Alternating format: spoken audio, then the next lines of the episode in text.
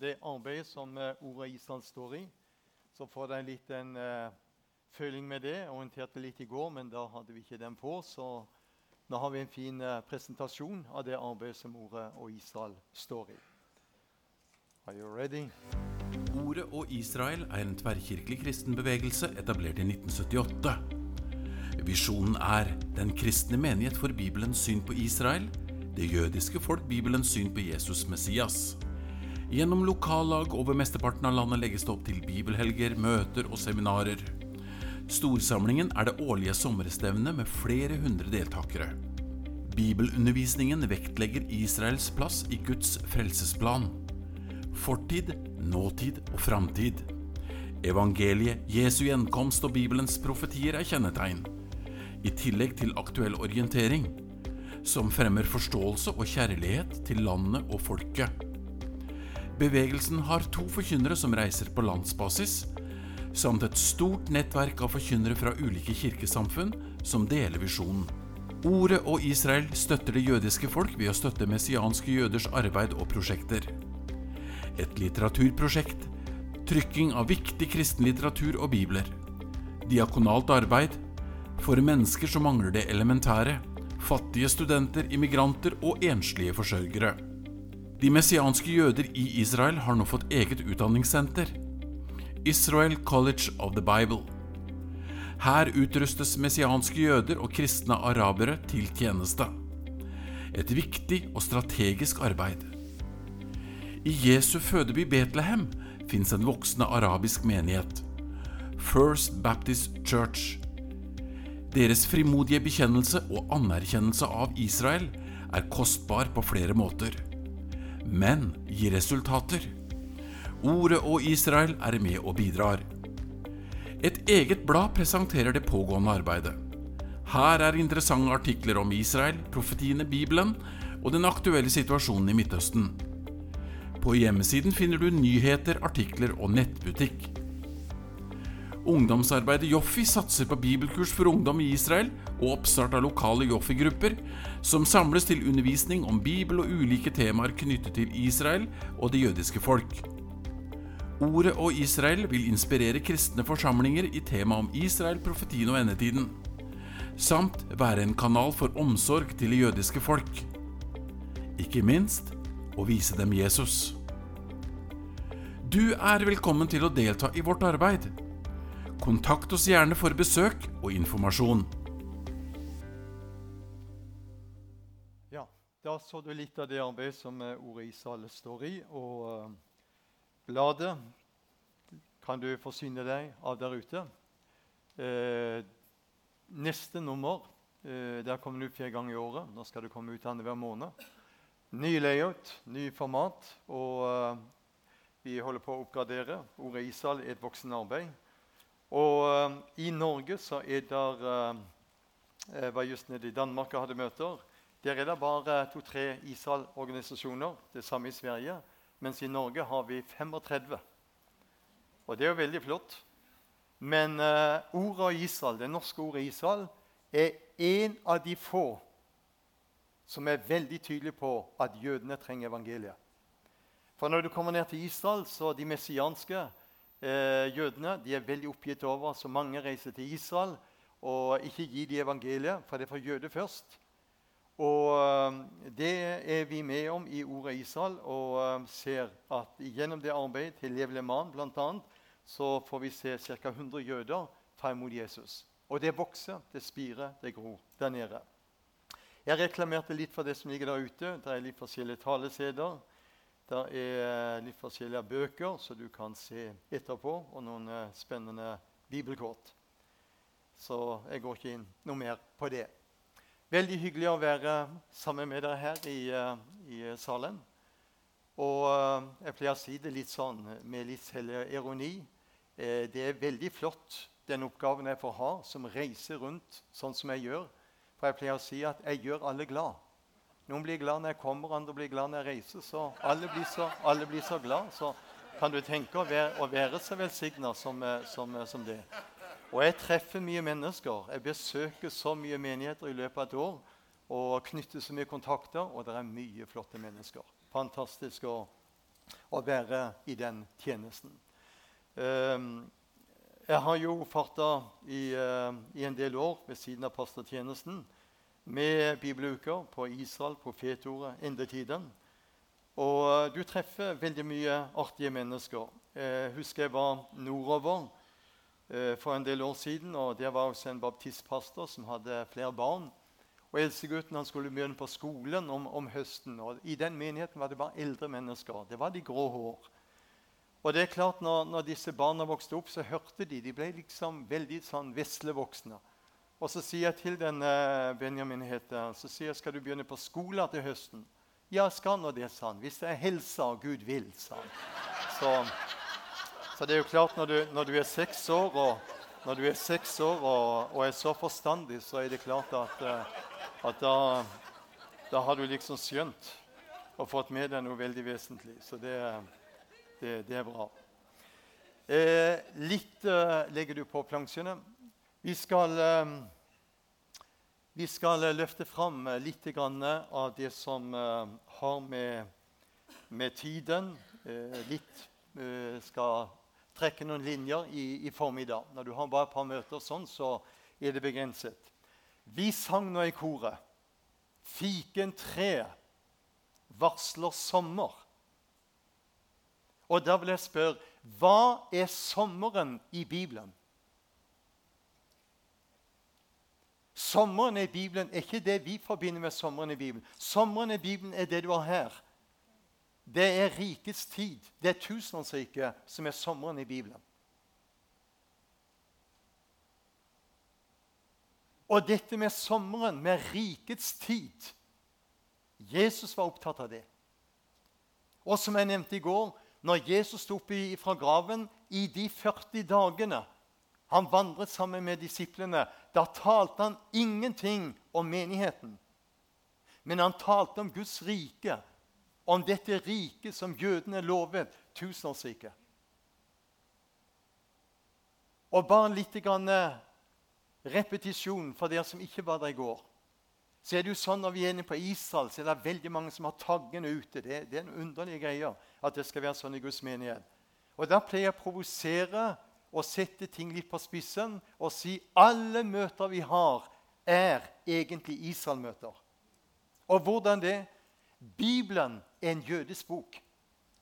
Så hver gang det leses fra denne boka, da er du på Israel-møte. For Bibelen er skreven som jeg nevnte i går, av 40 menn. 39 av de som skrev, var jøder. Én var hedning, legen Lukas, som hadde gresk bakgrunn. Hvem er det Gud henvender seg til i Det gamle testamentet? Det er jødene.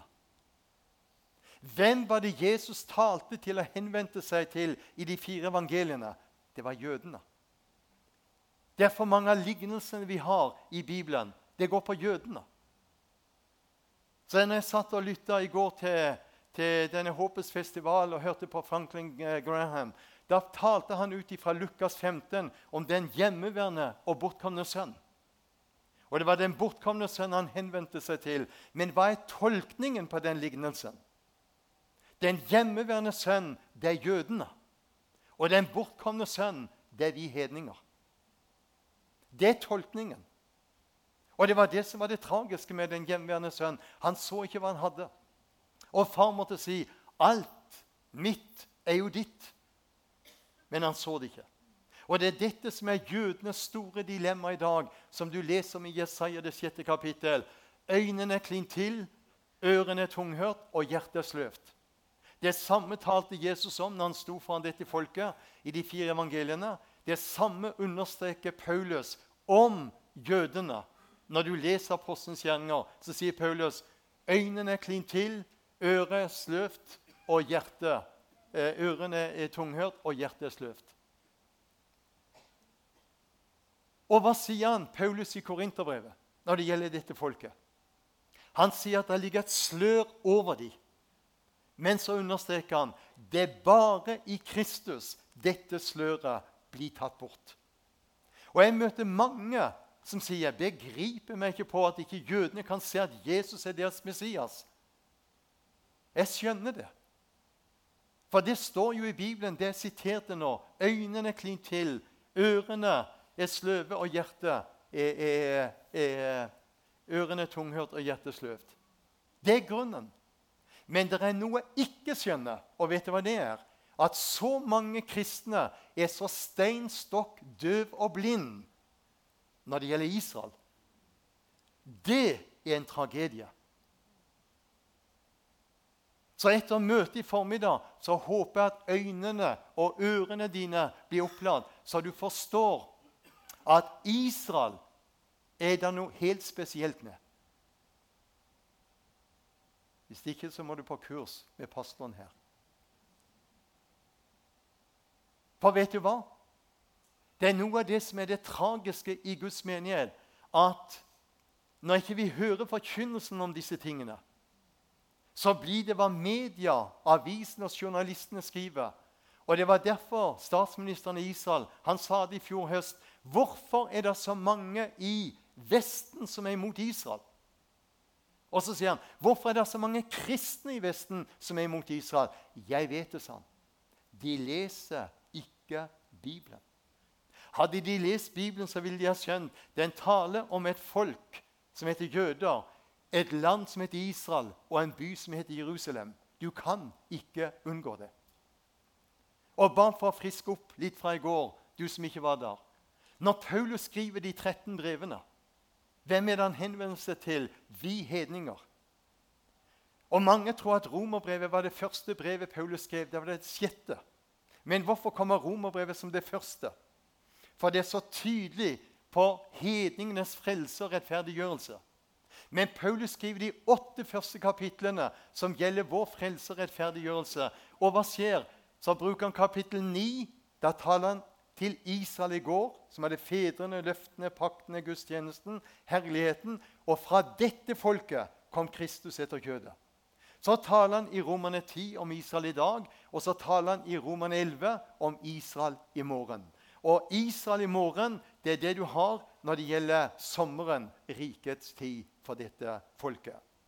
Vi skal da slå opp vår bibel, og vi skal lese først i Romerbrevet 13. Romerbrevet 13 og vers 11. Romerne 13, vers 11. Og dette må vi gjøre da vi kjenner tiden. At timen er inne da vi må våkne opp av søvne, for frelsen er nærmere nå enn da vi kom til, til troen. Det lir med natten, og det stunder til dag. La oss derfor avlegge mørkets gjerninger, men iføre oss lysets våpen. Så går vi til den siste boka, åpenbaringsboken, som er kalt for Bibelens krone. Og Der leser vi vers 1 og 2 og 3. Johannes' åpenbaring 1 fra vers 1. Jesu Kristi åpenbaring som Gud gav ham for at han skulle vise sine tjenere det som snart skal skje. Dette skriver altså Johannes. Og vi lever i dag, nærmere et par tusen år seinere. Og Johannes skriver det som snart skal skje. Han sendte bud ved sin engel, kunngjorde det i tegn for sin tjener Johannes, som har vitnet om Guds ord og Jesu Kristi vitnesbyrd, alt det han så. Og så kommer det.: Salig er den som leser, de som hører det profetiske ord, og tar vare på det som der står skrevet. Hvorfor det? Jo, for tiden er nær. Og så skal vi ta med enda et sted til ifra Jesaja. Og Jesaja-boken pleier vi å si at det er Bibelen i miniatyr. For i Jesaja-boken er det 66 kapitler i. Bibelen består av 66 bøker. Du deler Jesaja-boken opp i to. De 39 første kapitlene i Jesaja, som det er 39 bøker i det gamle. De 39 første kapitlene i Jesaja heter Domsboken. I Nytestamentet er det 27 bøker. De 27 siste kapitlene i Jesaja de heter Trøsteboken. Og hva begynner Jesaja 40 med? Trøst, trøst mitt folk. Tal vennlig til Jerusalem. Si til henne at hennes strid er endt.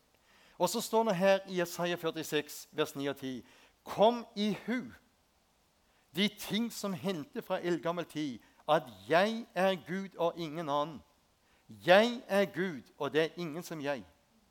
Og så står det 'Jeg som fra begynnelsen forkynner enden, og fra fordums tid det som ikke er skjedd. Det er jeg som sier, mitt råd skal bli fullbyrdet, og alt det jeg vil, det gjør jeg. Det er noe vi kaller for profetienes i går. Og så kaller vi for profetienes i dag. Og så har vi profetienes i morgen. Profetienes i går, hva er det? Det er alt det som ble talt om Jesus før han kom.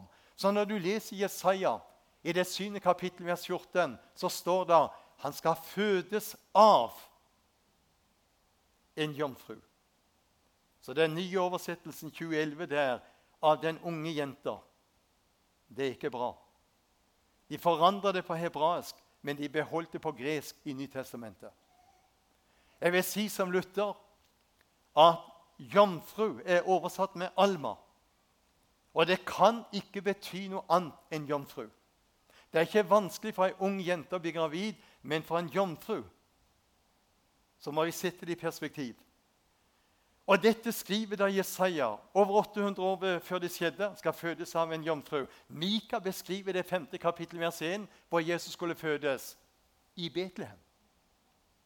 Når du leser videre, så vet du i eh, Zakaria i det 11. kapittel vers 12 beskriver om Jesus han skulle forrådes. Ikke for 20 eller 40 sølvpenninger, men for 30. Tusen år før det skjedde så sitter David og skriver Salme 22. Og når du leser Salme 22, så skulle du tro David sitter ved korset og beskriver hendelsene som skjer der. Men David skriver den 1000 år før det som skjedde på korset. Beskriver han Salme 22, hvor du leser om Jesu lidelse, hvor de gjennombor han på korset, loddkastningen om hans kjortel osv. Og like da han smertes utbrudd, 'Min Gud, min Gud, hvorfor har du forlatt meg?' Og tenk på det når Jesaja 53, som det ble lest fra Harald her innledningsvis, beskriver hvor Jesus skulle legges i graven. For husk på det at Jesus han døde den mest fornedrende død et menneske kan dø. Han ble spikret til et kors. Og det var de verste forbryterne som ble spikret til et kors. Hva skjedde med dem? Når de tok de ned av korset, så ble de kasta i Hinnomsdal, i Helvedesdalen. Men Gud hadde sagt at Jesus skulle ikke kastes i Helvedesdalen. Han skulle legges i en rik manns grav. Halleluja. Og vet du hva? Til og med Jesu oppstandelse fra graven leser du om i Gamle Testamentet, i Salme 16, vers 10. Og når du leser Salme 110, det er den salmen som er mest Jesus refererte mest til når han vandret her nede. Når du leser Salme 110, da leser du om Jesu himmelfart. Alt dette var profetienes i går som var talt om han. Og så har vi profetienes i dag, det vi ser oppfylles rett for våre øyne i, uh, i uh, dag. Og da er det jo interessant å være klar over den tiden vi nå er inne i, er en meget spesiell tid. Det er en tid hvor vi trenger oss å forstå at verdenssituasjonen er meget urolig. Når vi leser Matteus 24, Markus 13 og Lukas 21, så er det tre kapitler som hører nøye sammen. Men når vi ser på og snakker om Midtøsten, så er det det området her. Dette er Midtøsten, med Egypten, Saudi-Arabia, Iran, Irak, Syria, Jordan, Libanon, eh, Israel, hovedsakelig og deler av Tyrkia. Dette er Midtøsten. Hva er det for noe i dag i Midtøsten? Veldig turbulent. Det er hat, det er bitterhet, det er fortvilelse, det er mord, det er terror, det er krig, det er opprør, det er død, det er fortvilelse. Men Gud har veldige planer med disse områdene. Dette vet djevelen. Derfor er det at han raser sånn som han gjør. Og hele tiden så er vi Hvis ikke du er våken og forstår at det er tre områder som djevelen satser på å ødelegge i dag. Det ene er Israel. Og hvorfor det? Det er jødene som stadfester Bibelen. Som vi var inne på i går i Romerbrevet 3. Hva står det? Hva fortrinn hadde jøden? Mye på alle vis. Guds ord ble betrodd dem. Så det er jødene som stadfester Bibelen. Det andre området djevelen setter inn på i dag, det er Guds menighet. Hvem skulle ha trodd at de siste ti årene Den norske kirke har brukt så utrolig med tid og krefter på dette som går på homoseksualitet? Istedenfor at de skulle ha vært målrettet. Vi skal jo vinne verden. Og jeg har sagt det de siste ti årene. Det begynner alltid først med kirka. Og når det liksom er gått igjennom der, så er det på full fart nå inn i lavkirkeligheten og frikirkeligheten. Og da er det om å gjøre at vi forstår den kampen som raser i dag mot Guds menighet. Og hvorfor er Guds menighet så viktig? Den er sannhetens støtte og grunnvoll. Og en kirke og en menighet som ikke er tydelig på disse tingene, med å stå for Guds ord, den blir ikke sannhetens støtte og grunnvoll. Og Jeg nevnte det i går. Jeg skal nevne det igjen. Hvis du skal skjønne Israel, så må du se litt på verdensrikene i Daniels bok. Men skal du forstå menigheten, så må du se på de syv menighetene i åpenbaringsboken. Og hva leser du om de syv menighetene? Du leser disse forskjellige tidsepokene. Og de to siste menighetene, Philadelphia og Laudikea-menigheten, legg merke til de går litt parallelt. Philadelphia-menigheten de står for Guds ord. De tok vare på ordet. Det var deres redning. Men hva skjedde med Laudikea-menigheten? De sa de var rik, de hadde overflod. de mangla ingenting.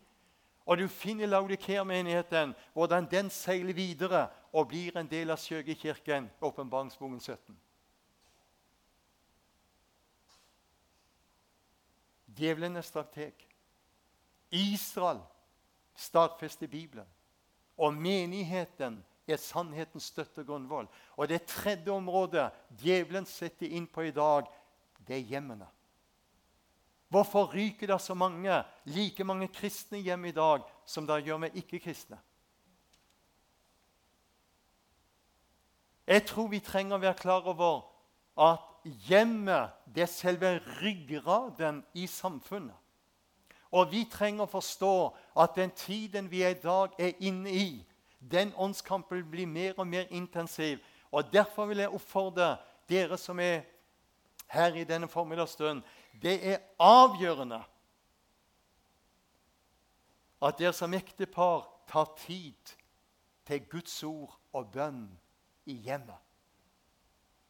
Jeg møter mange når jeg reiser rundt som sier vi trenger så sterkt åndelige, sterke menigheter. Amen, sier jeg. Men skal det skje, så må vi ha sterke åndelige hjem hvor ordet og bønnen blir en del av hverdagen, og vi kjenner at den åndskampen som vi står i, så skal det kristne hjemmet være som en oase som lyser, og som Gud velsigner. Amen. Skal du høre? Situasjonen er den i dag at presidenten i Libanon han rømte nå den i begynnelsen av uka. Og hvor rømte han hen? Han rømte ned til Saudi-Arabia. Han var redd for å bli skutt. Hva er det som skjer i dag i Libanon? Hizbollah har overtatt. Og hva er det som skjer i dag i, uh, i uh, Libanon? Jo, Hizbollah har et våpenarsenal på over 100 000 langdistanseraketter som kan beskytte hele Israel. Og de siste fra uh, 1990 og fram til 2025 så kom det over 1,2-1,3 millioner jøder fra Russland, Hviterussland og Ukraina. Og disse russisktalende jødene derfor Når du kommer til Israel i dag, så er det russiske eh, messianske menigheter. Eh, der sitter mange russer, eh, jødiske, russiske jøder som sitter i dag i, i Knesset.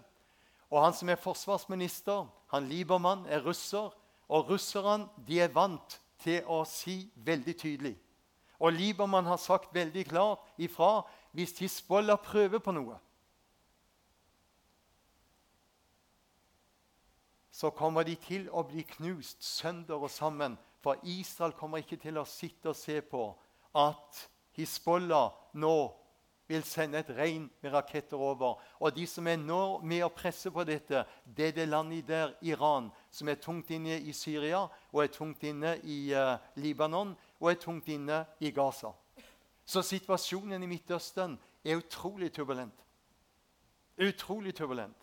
Og når du da tenker på det landet her oppe i nord, det som heter Nord-Korea Mye spennende eh, er på gang. Men den mannen er i stand nå med langdistanseraketter til å gjøre noe med Amerika. Og Amerika frykter. Men eh, Israel har elektromagnetiske bomber. Så hvis de sendte en av de mot Iran, så vil de ikke berøre noen mennesker, noen dyr. Men denne elektromagnetiske bomba, hvis de fyrte den av, så vil den ha en utrolig radius og den ville slå ut alt av elektronikk i Iran. Og dette frykter Iran. Men det som Israel frykter, det er at Iran kan ha noe av det samme. Så situasjonen er turbulent. Og det landet der, Russland Det har vært tungt inne i Midtøsten. Først med Egypten på 50-tallet. Tungt inne i, eh, i, i Irak på 70-tallet bygde atomreaktor som Israel bomba sønder sammen på begynnelsen av 80-tallet. Hele verden fordømte de. Men når det lille landet der Kuwait ble tatt av Saddam Hussein, da var Amerika og England og de 35 nasjonene for den Gulfkrigen det var den største militærmobiliseringen som har vært siden andre verdenskrig. Og da skjønte de dette med Gog-krigen, Hamageddon-slaget da så mange av profetgranskerne det som skjedde i 91 under Gulfkrigen. Det var veldig spesielt. Vår kjære avdøde folkekonge kong Olav han døde den dagen den krigen begynte. Vet ikke om du husker det. Men vi lever i tider i dag hvor vi ser ting går så utrolig fort. Og da vil jeg si til deg de, Jeg tror vi trenger virkelig å rope til Gud også for vårt eget land. Vet du hvorfor det? Det landet der, Russland, tok Krimhalvøya. Det tok Georgia. Det har ligget i krig i fire år med Ukraina. Og vet du hva resultatet er når det gjelder Ukraina? Tusenvis av ukrainske jøder de reiser fra Ukraina. Hvor reiser de hen? De kommer til Israel. Vet du hvem som var årsaken til at Sovjetunionen falt? Det var jødene. Gud skulle ha dem ut. Og det ble årsaken. Og Hvis du slår opp og leser i uh, Jesaja, så står det noe meget interessant i det 43. kapittel når det gjelder det. Jesaja 43. Og Der beskriver han nøyaktig det som vi har sett fra vers 5. Jesaja 43, vers 5. Frykt ikke, jeg er med deg. Fra Østen vil jeg la din nett komme. Hvem er Østen? Det er Asia. Fra Vesten vil jeg samle deg. Hva er Vesten? Det er Frankrike, det er Tyskland, det er England, det er over til Canada og Amerika. Og vi ser hvordan Gud drar jødene tilbake fra disse områdene. Fra Vesten. Og så står det i vers 6 Jeg vil si til Norden. Og det er Gud som sier, 'Jeg vil si til Norden'. Tidligere Sovjet. Gi dem hit. Og Jeg har vært sammen med Melkjord, han gamle Melkjord. Han er, snakker jo dansk. Han var rabbiner i Oslo. Nå er det sønnen som er det. Og når vi var sammen i 2005 og 2006 i Israel, så sa han jeg lærte meg russisk på 80-tallet. Og det, det er meg svært, sa han. Jeg har jo snakka litt dansk jeg har vært i, Danmark nå for halvannen uke siden. Så sa han det var mye svært, sa han.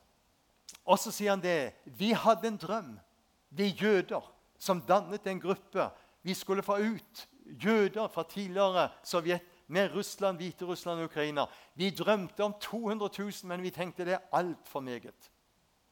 Og så sier han i 2005 vi hadde aldri i vår villeste fantasi drømt om at 1,2 millioner jøder har vi fått ut i løpet av den perioden, den 15-årsperioden fra 1990, eh, 1991 til 2006. Og så sier han et mektig under.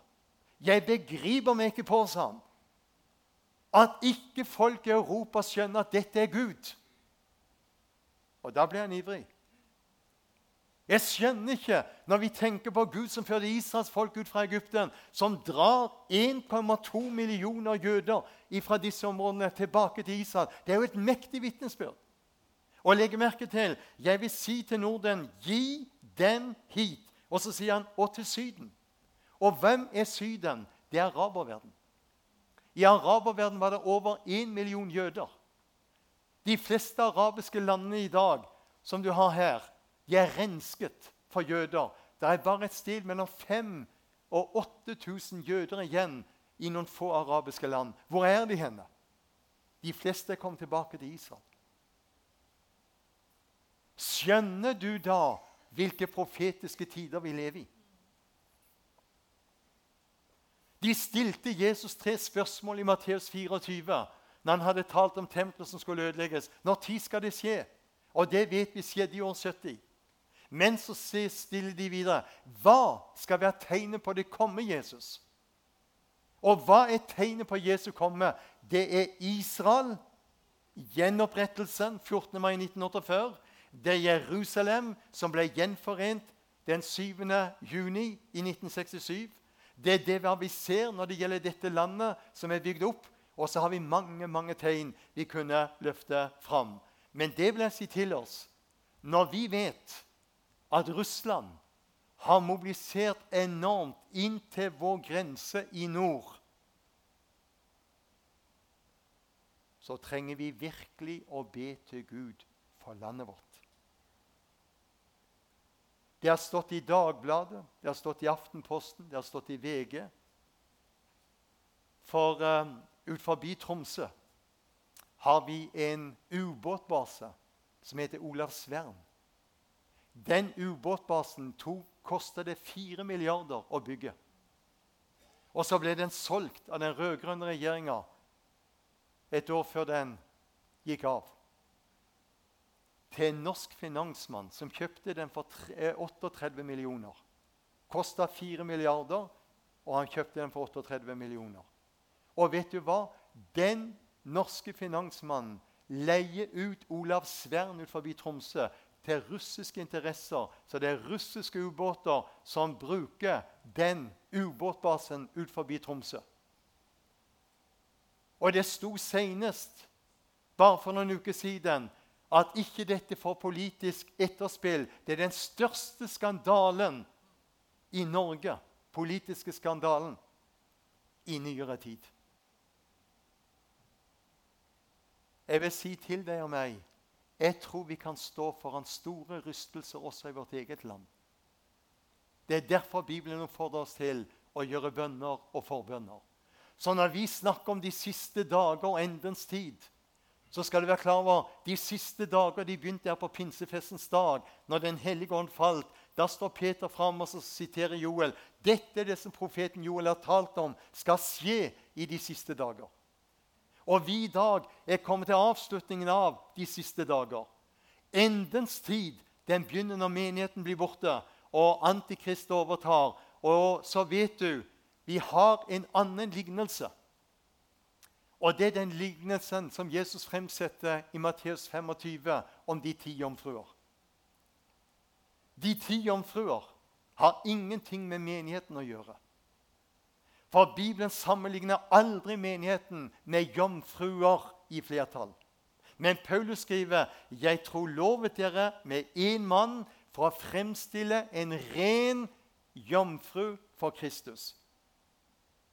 Men de ti jomfruene, hvor er det de hører hjemme henne? De hører hjemme her, i den antikristelige perioden. Det er en parallell til åpenbaringsboken 14 om de 144 000 skal du høre. Det er en løsning i Matteus 25,1. Et ord som er utelatt. For det står i Matteus 25, vers 1.: Da skal himlenes rike være liggende med ti jomfruer som tok sine lamper og gikk ut for å møte brudgommen. Og så er det en tilføyelse fra en del av de greske oversettelsene som gikk ut for å møte brudgommen og bruden. Og det er det som skjer når Jesus kommer med de hellige og skal sette føttene på Oljeberget. Da er det denne utvalgte skaren av jødene som roper da i sin fortvilelse.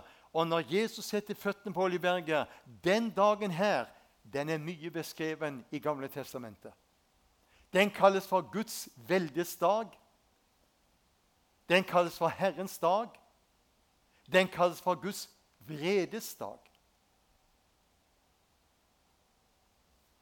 Og det er disse tonene som er viktige å løfte fram. Og dere hadde i Misjonsforbundet en som jeg satte utrolig pris på, og det var Halvard Kolsrud. Vi var forstanderfolk samtidig i Lyngdal, og vi drev og jogga mye sammen med Halvard. En fantastisk flott kar som sto for disse tonene. Og i dag er det manko og mangelvare i de fleste kirkesamfunn. Og vi Halvard vi drev og jogga sammen, mil etter mil. vet du, og Han var utrolig pliktoppfyllende. Og vi delte utrolig mye. Vi hadde så mye felles når det gjaldt disse, disse tingene. Så den dagen Halvard ble hentet hjem, da må jeg si det var som å miste min egen bror. Vi trenger å forstå at den tiden vi er inne i i dag Vi er kommet til avslutningen. Her møter vi menigheten i den første tid. Og vi tilhører menigheten i den siste tid. Det er den samme menigheten fra pinsedager fram til i dag. For det er den samme ånd som har vært i Guds menighet. Og da er det jo litt interessant med dette landet Israel. Hva er det med dette landet?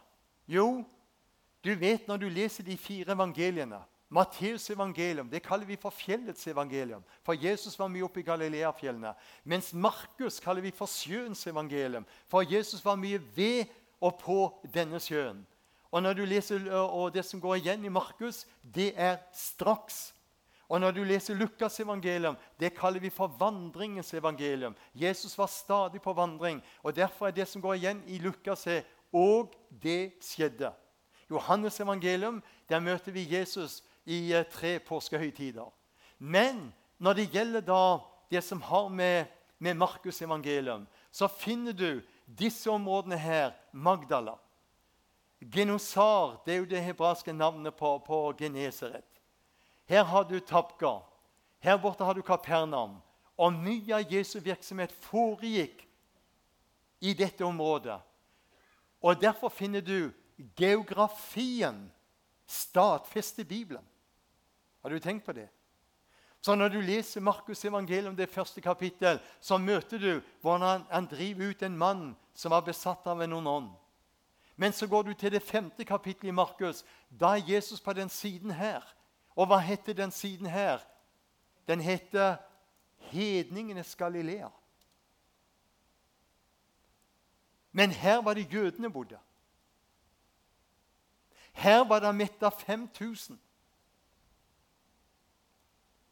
med to fisker og fem brød. Men her mette han 4000 med syv brød, står det, og noen fisker.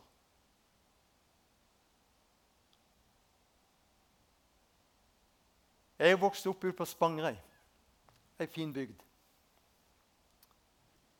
Og Der ute på bedehuset så hadde vi mange emissærer som kom. Originale, mange av de, men du har festlig det var å høre på.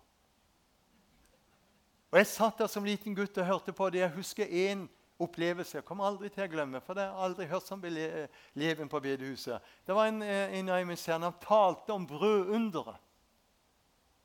Og så sa han det lyset jeg har fått i Guds ord, sa han. Der står det var 5000 menn, og de var uten kvinner og barn, så det måtte være 5000 ungkarer, sa han. Og på bedehuset på Spangereid var det mye gamle frøkner. Og vi hadde ei som just var kommet hjem fra Amerika. og Når hun hørte at det var 5000 ungkarer, så sa hun høyt 'Og den som bare hadde vært der', sa hun. Og sånn bevegelse på bedehuset hadde det ikke vært på lenge. Og den prekena tror jeg aldri de glemte. Men her, på denne siden, var Jesus mye. Men han gikk også der hedningene var. Og Derfor finner du et bilde hvis du har vært på det nye stedet her Magdala, som de har gravet ut. Et fantastisk sted. Når du går ned i kjelleren der Katolikkene har bygd et fantastisk flott eh, kirke med mange små, små rom og, saler. Og der nede under så har de da bilde av det du leser om i Matteus 9, om denne kvinna som hadde denne blodsykdommen. Og Når du leser i tredje Mosebok, så vet du den som hadde en sånn blodsykdom, han var uren. Så hvis hun satte seg på en stol, var den uren. Senga hun lå i, var uren. Kom noen i nærheten av henne, så ble de uren. Hun var utstøtt. Og så har tegneren klart å få fram når denne kvinna hun strekker, bøyer seg ned, strekker armen ut mellom bena på alle de andre som var der med disiplene, alle, og så rører hun ved det ytterste.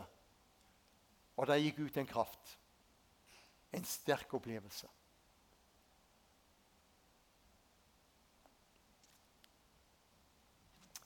Vi er inne i en tid hvor Jesus har sagt han skal komme igjen.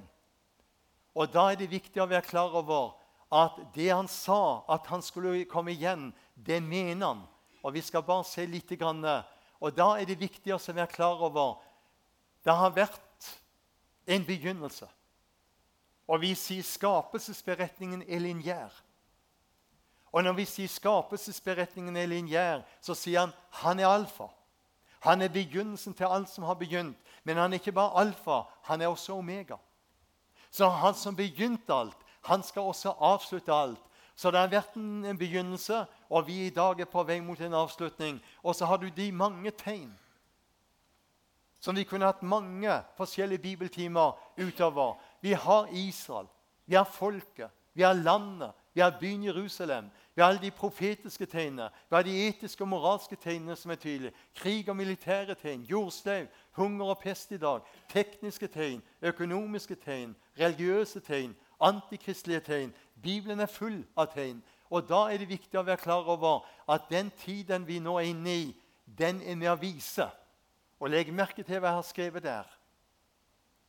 Alt som skjer i vår verden i dag, er med å peke fram mot Jesu andre komme til Israel. Og han skal komme og sette føttene på Oljeberget. Vi ser det politiske, vi ser det økonomiske, vi ser de sosiale hendelsene. Alt dette peker fram mot Jesu andre komme. Og så har jeg skrevet djevelen vet dette mye bedre enn de kristne og menigheten. Og når Jesus talte så mange ganger i de fire evangeliene, så talte han 'våg'. Han minnet 'våg og be'. Og da skjønner du at det er flere grunner til at Jesus skal komme igjen. Han kommer først som brudgom for menigheten. Det er bortrykkelsens hemmelighet. Han kommer senere som Messias når han skal sette føttene på Oljeberget for jødene. Han kommer som kongenes konge for å herske over jorden.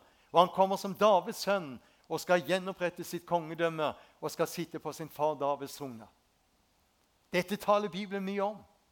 Så du skjønner vi er inne i en tid hvor du ikke lenger skal sove, men du må være fullt våken og forstå den tiden vi nå er inne i. Det er en tid hvor Bibelen beskriver det er ingenting i dag som hindrer Jesus fra å komme igjen. Og jo, vet jeg du sitter og tenker alle skal ha hørt. Da sier jeg, hvor står det henne? I Matteus 24, vers 14 så står det dette evangeliet om riket skal bli forkynt over hele jorden til et vitnesbyrd for alle folkeslag. Og så er det mange som sier og så skal Jesus komme. Nei, der står ikke det. Der står her Og så står det skal enden komme. Avslutningen, dommen fra den store, hvite trone. Så i dag er det ingenting som hindrer Jesus fra å komme igjen. Han kan komme i dag. Dag og time kan vi ikke si. Men vi ser det profetiske tegn. De er tydelige, og de varsler at denne tiden vi er inne i nå, den forteller at det går mot et antiklimaks. Og uh, han nesteldste Vi har fire barn. Og han nesteldste han er oppkalt etter far sin, og det kan han jo ikke noe for. Jan Gordon heter han. Men han er en grei kar for det. Han steller med, med, økonomi, da, så han sitter som banksjef der borte i, i Grimstad, 38 år gammel. Men eh, han sa til meg for et år siden Pappa, sa han, du har prekt om at Jesus skal komme igjen. Du har løfta fram Israel, profetordet. Vi er vokst opp med dette. Men så sier han, som økonom, pappa, så ser jeg utviklingen, og den går fortsatt. Den går meget fort. Og så sier han i løpet av de neste åtte årene vil en halv milliard arbeidsplasser forsvinne i verden. Ja, hva er grunnen til disse? Han hadde vært på en sånn økonomisk konferanse. Hva er grunnen til det? Det er digitalisering, sa Og så sier han vi ser et regimeskifte i dag. En ny finansverden reiser seg. Kjøp og salg foregår mer og mer digitalt. Det er bare tiden, sa han. Så sier han kontanter vil bli mer og mer borte over store deler av verden. Og Norge ligger i fremste linje. Så bare i løpet av fem-seks år så kan Norge være pengeløst samfunn. Og det er et problem med alle foreningene som er vant til å selge lodd osv. Og, og så sier han det neste som kommer som en rakett, er det vi kaller for kunstig intelligens. Ja, hva er det for noe? sir? Jo, de utvikler datarobot i dag som tenker mye bedre enn mennesker igjen. Kunstig intelligens. Og det er data hvor bildet tenker sjøl, og biler i dag kjører seg sjøl. Og i Norge eh, er de kommet langt og ønsker å få busser som skal kjøre seg sjøl. Og Israel, når jeg var nede nå, så sier en offiser som, eh, som, var med oss en kveld, så sier han det, det siste nå som Israel nå har utviklet. Du vet, i eh, disse jagerflyene så måtte de før, når de flyr over 2000 km i timen, måtte de sitte og en inn det som, eh, det som, de skulle ha greie på. Nå er det nok at de bare tenker, så kommer det fram på visiret. Og den samme hjelmen den bruker de nå i tanksene. Og du skal være klar over Israel ligger i fremste linje på, på, på, mange måter. Og de er med å tilrettelegge dette på en veldig sterk måte for det antikristelige. Og så sier han dette med valuta ser vi får en endring. Den digitale pengeenhet med bitcoiner og disse tingene gjør at vi får snart en verdensvaluta. sa Du kan handle for samme valuta i New York som du gjør i Hongkong. Verden blir mer og mer inn. Og så sier han det siste som, eh, som, var oppe på den konferansen, det var dette med å bli merket, denne kippen under huden. Og det kom en utrolig langt, Pampa. Så jeg vil bare si til deg du må preke og løfte dette fram som aldri før. Jeg tror sann Han er 38 år gammel og er jo rundt og har litt møter sjøl. Jeg tror sann at Jesus kommer snart igjen. Og jeg sa amen. Og så sier han disse tre tingene skal du huske på, pappa. Sann. Digitalisering, effektivisering og automatisering. Det er dette vi er vitne til i dag. Og vi kan liksom ikke avskrive det, men vi ser alt dette ligge for våre øyne. Og da vil jeg si til deg det er mange vet du, som står for dette at menigheten skal gjennom trengselen. Da skal du kjøpe den boka 'Den siste basun' som ligger der ute, hvor uh, du får veldig tydelig greie på. Jeg tror menigheten skal rykkes bort før trengselen. Det er mange belegg på det. Noah måtte inn i arken før vannflommen. Lot måtte ut av Sodoma for vredeskålene. Vi finner belegg. Jeg skal fri dere ut av den prøvelsens stund som skal komme over hele jorden. Og så er det mange som tror at den, når Sverige har møter, så snakker de om den store vedermøderen. Og hva er den store vedermøderen? Jo, det er den store trengselen de siste tre og et halvt årene. Men du skjønner, når du leser åpenbaringsboken 6, når, når, seilene brytes, så skal jeg si det er lidelser. Hvem er det som bryter seilene i åpenbaringsboken 6? Det er lammet. Det er Jesus. Basunene det skal blåses i, er de syv englene. Og vredeskålene er englene som tømmer. Og all den lidelse som da skal gå over denne jord, det er vanskelig å fatte. Veldig vanskelig å fatte. Men nå går jeg ikke inn i problematikken som du kanskje hadde ønsket. Det har vi ikke tid til. Men til slutt så må jeg løfte deg. Vi må ikke glemme håpet i det vi holder fram. Vi er gjenfødt til et levende håp. Vi er på hjemvei. Vær glade i håpet. Og du vet, mens vi venter på det salige håpet, åpenbaringen av den store Guds vår frelser, Jesu Kristi herlighet Og håpet gjør ikke til skamme. Og så sier Hebreerbrevet.: Hold urokkelig fast ved bekjennelsen av vårt håp. Hør, vi er på hjemvei til bryllupsfest. Og Av og til når du snakker om at Jesus skal komme igjen, så har jeg inntrykk mange kristne sier å skrekk og gru. Det, det, det, liksom, det, høres så skremmende og forferdelig ut. Så tenker jeg med meg sjøl den dagen jeg skulle gifte meg med kona mi, som vi har vært gift nå i 41 år Tenk om jeg hadde gått og grua meg og sagt som så og jeg gruer meg til denne bryllupsdagen. Skal leve sammen med dette kvinnfolket i 30-40-50 år. Det må jo bli forferdelig. Hvordan skal jeg klare å holde ut dette her? Nei, vi hadde jo forberedt denne dagen. Vi hadde jo tilrettelagt denne dagen. Og vi kunne nesten ikke vente på bryllupsdagen skulle komme. Og når bryllupsdagen var der, og hun kom marsjerende inn kirkegulvet, da må jeg si Da kom ei tåre. Det var kona mi som kom der. Det var jo bruden som kom der. Og det er jo denne foreningen mellom brud og brudgom, det er dette høydepunktet vi får lov til å glede oss over. Vi er på hjemvei. Snart kommer han, og vi skal se han som han er.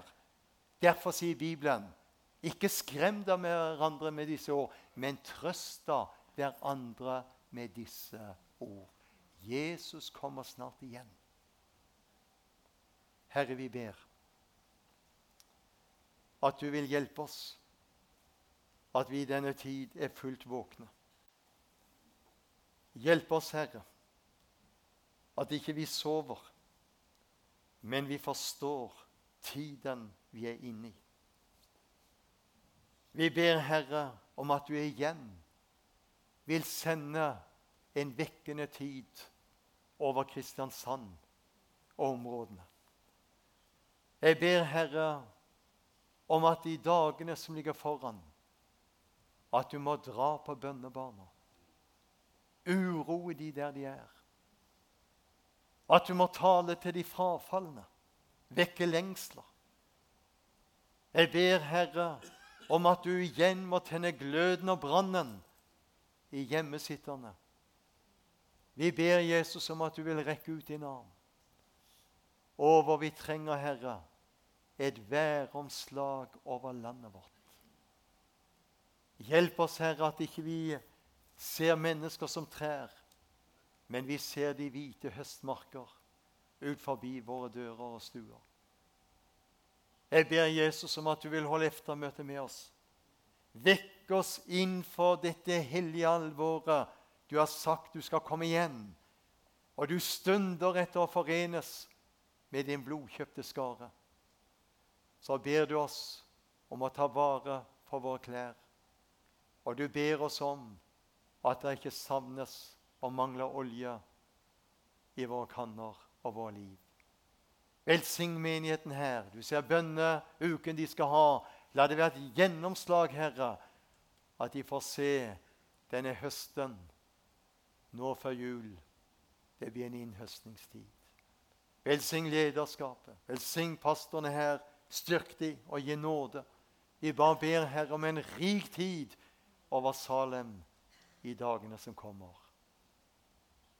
Mens vi nå sitter med lukkede øyne og senker blikk, så vil jeg spørre er du med oss i formiddag som vi skulle ta med i bønn og forbønn. Så skal vi gjøre det. Det kan være du sitter og tenker med deg sjøl. Det er lenge siden jeg åpna Bibelen. Hør, da har du navnet, men du mangler livet hvis ikke du tar deg tid med ordet. Er det lenge siden du tok deg tid til lønnkammeret, til stillhet og bønn? Så har du nok navnet, men du mangler livet. Og det er dette fortrolige samfunnet med Jesus som er, er viktig. At du tar tid til å lese, tar tid til å be, så han kan få tale til deg og styrke deg i troen. Var det mer som vi skulle ta med nå? Kanskje du har bønnebarn du tenker på. Kan du løfte din hånd? Gud signe dere. Mange hender som løftes. Da bringer vi de i fellesskap innenfor Nordens trone. Og så ber vi at Herren skal få tale og røre på sin mektige måte. Herre, du så de hender som ble løftet. Du så de behov som ble gitt til kjenne. Du vet om hver eneste en. Ja, Herre, takk at du behandler oss ikke kollektivt, men du ser til våre behov og våre hjerter. Og du så, Herre, de forskjellige ønsker og bønner som kom fram bak den oppløftede hånda. Vi ber, Herre, du vil møte, du vil styrke, du vil løfte, og du vil bære. Så takker vi deg, Jesus, for du har ikke sagt til Jakobs avkom, søk meg uten nytte. Nei, du er deres belønner som søker deg. Derfor ber vi Jesus, la det tas noen hellige bestemmelser i denne formiddagsstunden. Hellige bestemmelser om andagslivet, bønnelivet, bibellesningen må komme mer på plass. At de kjenner at min plass er de hellige samfunn. Styrk den enkelte med mye nåde i Jesu navn.